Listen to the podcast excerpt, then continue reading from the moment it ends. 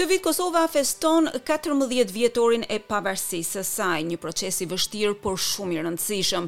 Ishte pavarësia e Kosovës e shpallur në datën shtatëmbëdhjetë shkurt të vitit dy mijë e tetë nga njëqind e nëntë deputetë të Kuvendit të Kosovës, Në këtë mbledhje të rëndësishme, Kosova u shpall shtet i pavarur, sovran dhe demokratik. Shpallja e pavarësisë së Kosovës, në këtë datë të shënuar, ishte kurorëzim i një rrugëtimi të gjatë e të vështirë për të gjithë qytetarët e Republikës së Kosovës. E Australia ishte një nga shtetet e para që e njohu pavarësinë e saj. Që atëherë, në Australi është shpallur dhe është hapur ambasada e Kosovës, e cila për momentin pret një ambasador të ri, pas një pune të shkëlqyer të bërë nga ambasadorët e mëparshëm Sabri Kiçmari dhe Hajdin Abazi. Komuniteti shqiptar gjithnjë e ka festuar pavarësinë e Kosovës me aktivitete të ndryshme. E për të mësuar më shumë në lidhje me aktivitetet e këtij viti, unë ftova për një bisedë kryetarin e komunitetit shqiptar në Melbourne, Sezar Jakupi, si dhe kryetarin e komunitetit shqiptar në Dandenong, Riza Jaupi. Le të ndjekim intervistën me ta.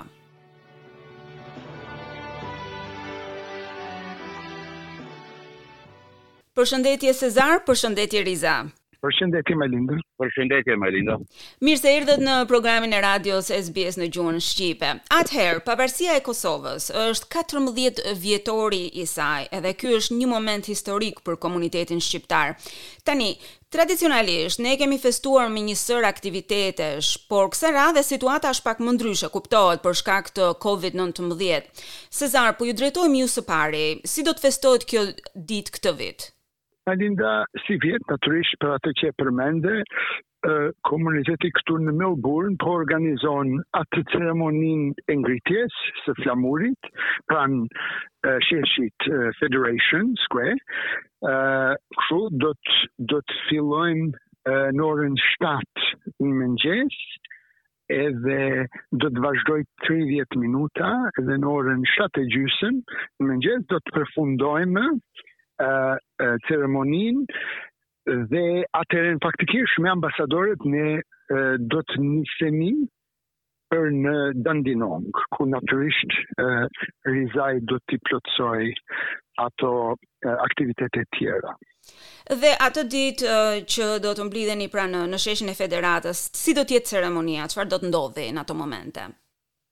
Do, do të do të mbahen disa ato fjalimet përshëndetëse, do të jenë këtu prezent e ngarkuara me punë pranë ambasadës së Republikës së Kosovës në Australi, zonja Zana Memetaj, po ashtu do të jetë i pranishëm ambasador i ri i Republikës së Shqipërisë në Australi, zoti Adrian Mara, do të mbahen ato, do të jenë ato hymnet, edhe atëherë mbas asaj do të mbahet ajo ngritja e flamurit aty në në sheshin Federation Square, edhe si thashë shtatë e gjys e përfundojmë atë e atëherë po nisemi për në Dandenong. Është natyrisht një aktivitet që fillon pak herët, por besoj se do t'ju lërë kohë që pastaj të zhvilloni këto aktivitetet e tjera. Atë Riza, cili është aktiviteti që do të organizohet në Dandenong? Ë, siç tha edhe Cezari, Malinda neve në Dandenong e kemi prerë të parë që festojnë pavarësinë e Kosovës. Edhe është një numër mjaft i madh nga ana e Dandenong që jetojnë shqiptarë, nga Maqedonia, nga Kosova, nga Shqipëria. Edhe neve do e kemi për herë të parë që festojmë pavarësinë e Kosovës edhe ngritjen e flamurit, por shpresoj se kjo do vazhdojë edhe më tutje. Në si të mbarojnë në Melbourne, në Federation Square, ne e kemi vendosur ta ngremë flamurin te komuna e Dandenong. Edhe ajo do fillojë në ora tetë e gjysëm në mëngjes.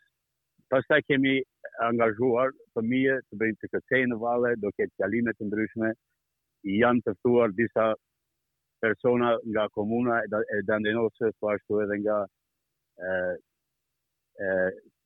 anëtarët e parlamentit. disa anëtarë të parlamentit janë të ftuar, e do ketë edhe fëmijë, do ketë valle, edhe ashtu më tutje, vazhdojmë, kemi një restorant afër shqiptar janë nga Kosova, do kemi mëngjesin atje për të gjithë mysafirët, edhe janë mirë se të erdhur gjithë shqiptarët kush ka mundësi. Është hera e parë siç e thatë dhe ju që e organizoni këtë aktivitet, kujt i lindi ideja për këtë lloj aktiviteti? Meqenëse neve vite me radhë shkojmë në Melbur edhe e populli e ka pak të vështirë.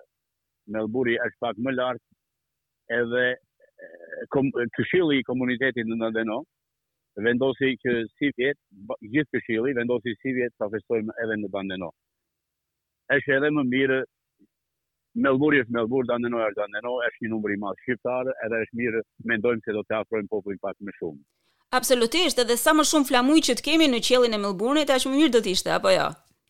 Po, po, është e vërtetë. Zotërinj, um, unë ju falenderoj shumë për kohën, ju uroj uh, fat edhe ja kalofshi sa më mirë në atë ditë të shënuar. Me këtë rast përfitoj nga rasti gjithashtu t'ju uroj edhe gëzuar festën e pavarësisë së Kosovës.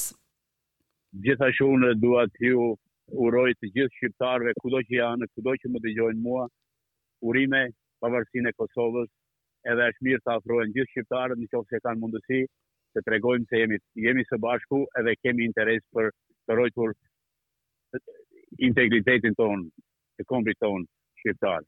Edhe unë Melinda po ashtu i uroj të gjithëve dëgjuesit e gjithë komunitetit kudo që janë 14 vjetorin, siç e përmendi edhe Rizaj për ata që kanë mundësi që të jenë në Melbourne, aty në orën 7, do të jenë shumë të mirëseardhur, do t'i mirëpresim.